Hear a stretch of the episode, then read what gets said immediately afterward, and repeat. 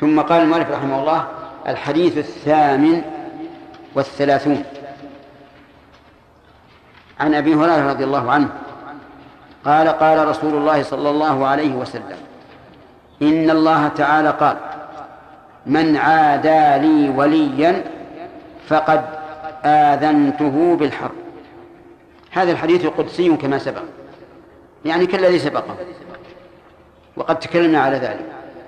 وقوله من عادى لي وليا أي اتخذه عدوا له. وولي الله عز وجل بينه الله عز وجل في القرآن. فقال ألا إن أولياء الله لا خوف عليهم ولا هم يحزنون الذين آمنوا وكانوا يتقون. هذا الولي.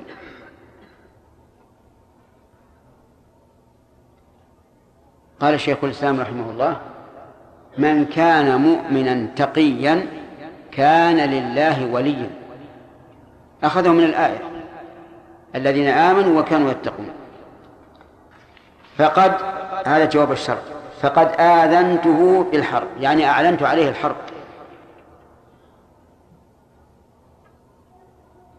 وذلك لمعاداته أولياء الله. طيب. وما تقرب إلي عبدي بشيء أحب إلي مما افترضت عليه. ما تقرب بشيء أحب إلي مما افترضت عليه. كذا عندكم؟ وما تقرب إلي عبدي بشيء أحب إلي مما افترضت عليه. ولكن الفرائض تختلف كما سنبين إن شاء الله في الفوائد. إنما جنس الفرائض أحب إلى الله من جنس النوافل.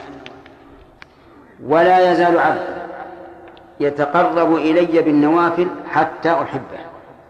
لا يزال هذه من أفعال الاستمرار يعني أنه يستمر يتقرب إلى الله تعالى بالنوافل حتى يحبه الله عز وجل وحتى هذه للغاية. فيكون من أحباب الله فإذا أحببته كنت سمعه الذي يسمع به وبصره الذي يبصر به ويده التي يبطش بها ورجله التي يمشي بها ولئن سألني لأعطينه ولئن استعاذني لأعيذنه كنت سمعه. من المعلوم أن الحديث ليس على ظاهره لأن سمع المخلوق حادث ومخلوق وبائن عن الله عز وجل. فما معناه إذن؟ قيل معناه أن الإنسان إذا كان وليا لله عز وجل وتذكر ولاية الله حفظ سمعه. حفظ سمعه. فيكون سمعه تابعا لما يرضي الله عز وجل. وكذلك يقال في بصره وفي يده وفي رجله. وقيل المعنى أن الله يسدده في سمعه وبصره ويده ورجله. ويكون المعنى أن يوفق هذا الإنسان فيما يسمع ويبصر ويمشي ويبطش. وهذا أقرب. أن المراد تسديد الله تعالى العبد في هذه الجوارح. وقول لئن سألني لئن سألني لئن سألني لأعطينه. هذه الجملة تضمنت شرطا وقسما أيهما السابق؟ القسم. ولهذا جاء الجواب للقسم دون الشرط. فقال لأعطينه. وقد قال ابن مالك رحمه الله واحذف لدى اجتماع شرط وقسم جواب ما أخرت فهو ملتزم. يعني إذا اجتمع شرط وقسم فاحذف جواب المتأخر. ويكون الجواب إيش؟ يكون للمتقدم. فهنا الجواب للمتقدم لأنها أتى مقرونا بالله بلا بالله نعم. ولئن استعاذني أي طلب أن أعيذه فأكون ملجأ له لأعيذنه رواه البخاري. أظن الآن أسئلة؟ طيب.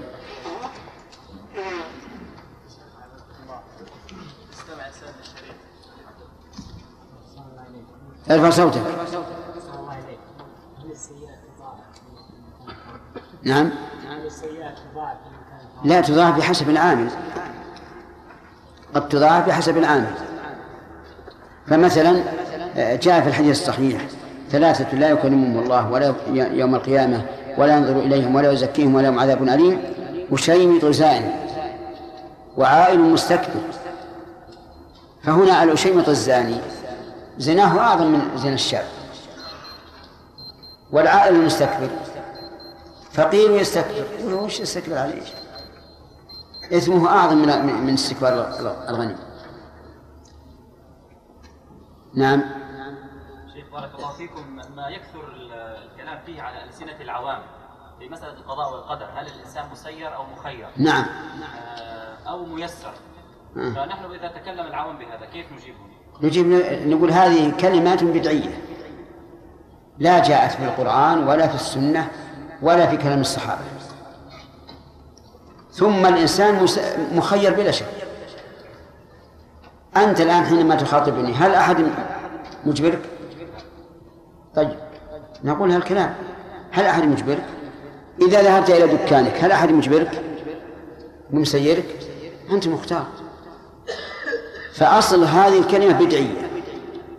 يجب حذفها من قواميس آه، الكتب. ثم عندما نتنزل ونخاطبه بما يقول نقول تعال أنت الآن تخاطبني. هل أحد أجبرك على هذا؟ هل جواب سيقول لا. إذن باختيارك ولا بغير اختيارك؟ سيقول باختيارك. طيب أحسن الله عليك بقى الكلمة الثالثة. وهي؟ وهي؟ ميسر. نعم. استدلال الآية آه، فهل هذه لها وجه أو ليس أيضا؟ لا ما له داعي ما له داعي هي على كل حال أقرب من, من اللي قبلها. لكن ما له داعي لأن اللي لأن اللي يسمعها. سيذهب فهمه إلى التيسير. التيسير للخير. ما هو للشر. شيخ هل يصح قول القائل أن الأعمال مكتوبة والأقوال مكتوبة. إنما تقع ما كتب من الأعمال والأقوال كما كما تقع آه، الحوادث. فهذه الكلمة يصح ما يصح. ما يصح. ما يصح. هل الإنسان إذا أصيب بحادث هل هو قاصده؟ لا. ما قصده. وإذا عمل؟ قصد. قصد. نعم. أحسن الله إليكم. في حالة. أن الشخص إذا إذا نسي مضاعفات الأعمال فهل الله يكتبها له نعم. لا يكتبها له؟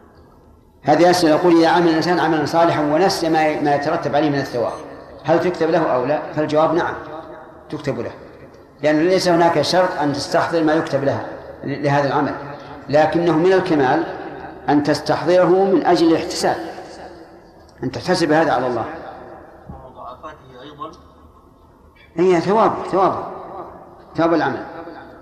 نعم. أحسن الله ما حكم ما يحصل من المساجد الآن؟ فإن المصلي يدخل المسجد ويأتي يدخل إيش؟ المسجد فيأتي يحط يحجز المكان في الصف الأول وما ما في كثير من- ما في؟ الإنسان يحط شيء في الصف الأول ثم يروح إلى إلى روضة فيجلس هناك يتلو القرآن إلى روض روضة إلى إلى روضة. يعني في المسجد النبوي قصدك نعم. ثم يجلس هناك. ما يأتي إلا قبيل الصلاة بقليل نعم. فما حكم الذي نرى أن وضع أن حجز الإنسان مكانه ما دام في المسجد لا بأس به. ولكن إذا اصطف الناس يجب أن يقوم إلى مكانه. لأنه لو تأخر لازم من هذا أن يتخطى الرقاب فيؤذي الناس. فإذا كان يرقب مكانه فإذا اصطف الناس قام بدون أن يتخطى الرقاب وجلس فيه فلا حرج. لكن أنت تقول إنه إذا بقى عشر دقائق في في المسجد النبوي إذا بقى عشر دقائق وإذا أمامه عدة صفوف سيتخطاها ويؤذيهم.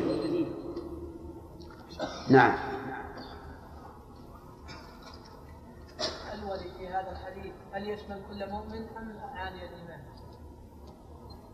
أما سمعت الآية؟ الذين آمنوا وكانوا يتقون. فإذا وجد الإيمان والتقوى كمل الإيمان؟ لأن التقوى أن أن تعمل بطاعة الله وتجتنب محارم الله. نعم. صلى الله عليك شيخ. إذا ما علمنا أن هذا من أولياء الله. اترك الأولياء. أحد ما يعلم من هذا الرجل مؤمن تقي. إذا لم تعلم إذا لم تعلم فينظر لماذا عاديت له. ليش؟ إذا لم يكن سبب للمعاداة فمعاداة المسلم محرمة. طيب. أهلا وسهلا. بسم الله الرحمن الرحيم. الحمد لله رب العالمين. وصلى الله وسلم على نبينا محمد وعلى آله وأصحابه ومن تبعهم بإحسان إلى يوم الدين. أما بعد فقد تكلمنا على شرح حديث أبي هريرة القدسي الذي قال فيه رسول الله صلى الله عليه وسلم إن الله تعالى قال من عادى لي وليا إلى آخره. ففي هذا الحديث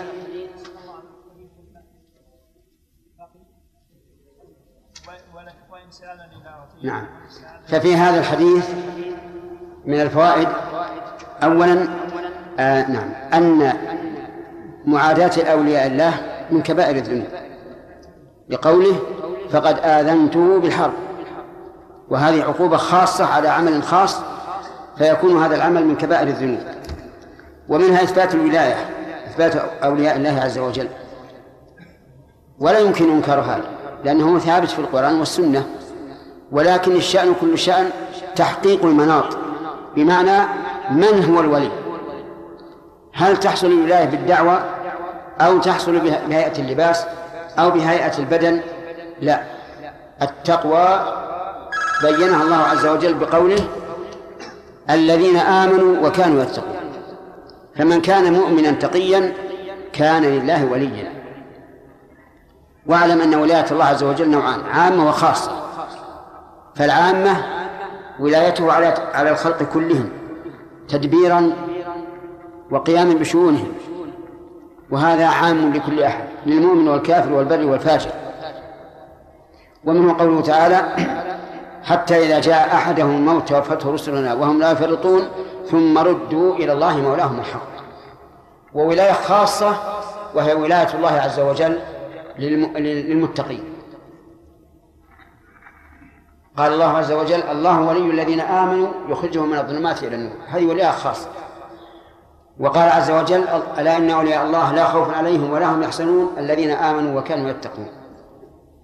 فإن قال قائل هل في ثبوت ولاية الله لشخص أن يكون واسطة بينك وبين الله في الدعاء لك وقضاء حوائجك وما أشبه ذلك؟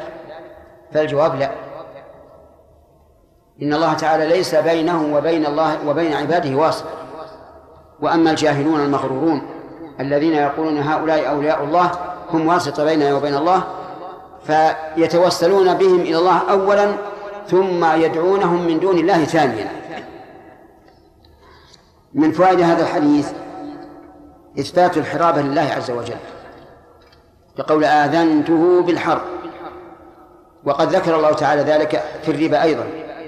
فقال فإن لم تفعلوا فأذنوا بحرب من الله ورسوله. وذكر ذلك أيضا في عقوبة قطاع الطريق. إنما جزاء الذين يحاربون الله ورسوله ويسعون في الأرض فسادا أن يقتلوا أو يصلبوا أو تقطع أيديهم وأرجلهم من خلاف أو ينفوا من الأرض. ومن فوائد هذا الحديث إثبات محبة الله وأنها تتفاضل لقوله وما تقرب إلي عبدي بشيء أحب إلي مما افترضته عليه. ومن فوائده أن الأعمال الصالحة تقرب إلى الله عز وجل والإنسان يشعر هذا بنفسه. إذا قام بعبادة الله على الوجه الأكمل من الإخلاص والمتابعة وحضور القلب أحس بأنه قرب من الله عز وجل وهذا لا يدركه إلا الموفقون. وإلا فما أكثر الذين يصلون ويتصدقون ويصومون ولكن كثيرا منهم لا يشعر بقربه من الله. وشعور العبد بقربه من الله لا شك أنه سيؤثر في سيره ومنهجه. ومن فوائد هذا الحديث أن أوامر الله عز وجل قسمان فريضة ونافلة. والنافلة الزائد عن الفريضة. وجه, هذا التقسيم وما تقرب إلي عبدي بشيء أحب إلي مما افترضت عليه ولا يزال عبدي يتقرب إلي بالنوافل حتى أحبه. ومن فوائد هذا الحديث تفاضل الأعمال من حيث الجنس. كما تتفاضل من حيث النوع فمن حيث الجنس الفريض الفرائض أحب إلى الله من النوافل. من حيث النوع الصلاة أحب إلى الله مما دونها من الفرائض. ولهذا سأل ابن مسعود رسول الله صلى الله عليه وسلم أي الأعمال أو العمل أحب إلى الله؟ قال الصلاة على وقتها. فالأعمال تتفاضل في أجناسها وتتفاضل أجناسها في أنواعها. بل وتتفاضل أنواعها في أفرادها. كم من رجلين صليا صلاة واحدة واختلفت مرتبتهما ومنزلتهما عند الله كما بين المشرق والمغرب. ومن فوائد هذا الحديث الحث على كثرة النوافل. لقوله تعالى في الحديث القدسي ولا يزال عبدي يتقرب إلي بالنوافل حتى أحبه. ومنها أن كثرة النوافل سبب لمحبة الله عز وجل. يعني حتى للغاية. فإذا أكثرت من النوافل فأبشر بمحبة الله لك. ولكن اعلموا أن هذه أن هذا الجزاء والمثوبة على الأعمال إنما هو على الأعمال التي جاءت على وفق الشرع. فما كل صلاة تنهى عن الفحشاء والمنكر وما كل نافلة تقرب إلى الله عز وجل. أقول لكم هذا لا تيئيسا لكم ولكن حثا لكم على إتقان العبادة وإكمال العبادة. حتى تنالوا الثواب المرتب عليها في الدنيا والآخرة أعلمتم هذا؟ ولذلك كثير من الناس يصلون الصلوات الخمس والنوافل لا يحس أن قلبه نفر من المنكر أو نفر من الفحشاء هو باق على طبيعته لماذا؟ هل هو لنقص لنقص الآلة أو لنقص العامل نعم لنقص العامل. العمل وهو لا بد أن يؤثر لكن إذا كان العامل لم يتقنه فاته هذا الذي رتب عليه. ومن فوائد هذا الحديث أن الله إذا أحب عبدا سدده في سمعه وبصره ويده ورجله أي في كل حواسه. يسدده في ذلك بحيث لا يسمع إلا ما يرضي الله. وإذا سمع سمع انتفع. وكذلك أيضا لا يطلق بصره إلا فيما يرضي الله وإذا أبصر انتفع.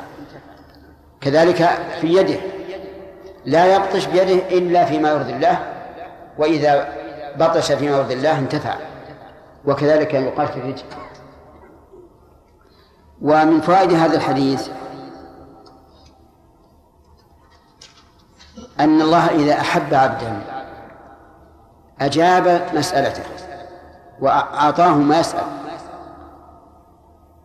وأعاذه مما يكره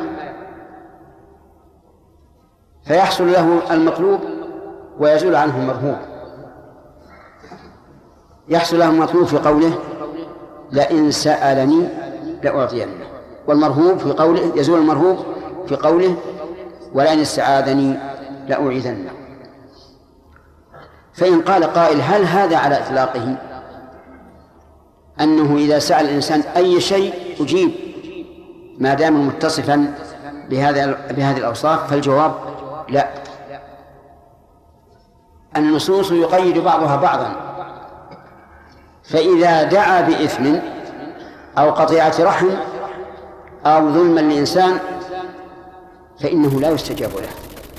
حتى وإن كان يكثر من الوافر حتى وإن بلغ هذه المرتبة العظيمة محبة محبة الله له فإنه إذا دعا بإثم أو قطيعة رحم أو ظلم لا يستجاب له.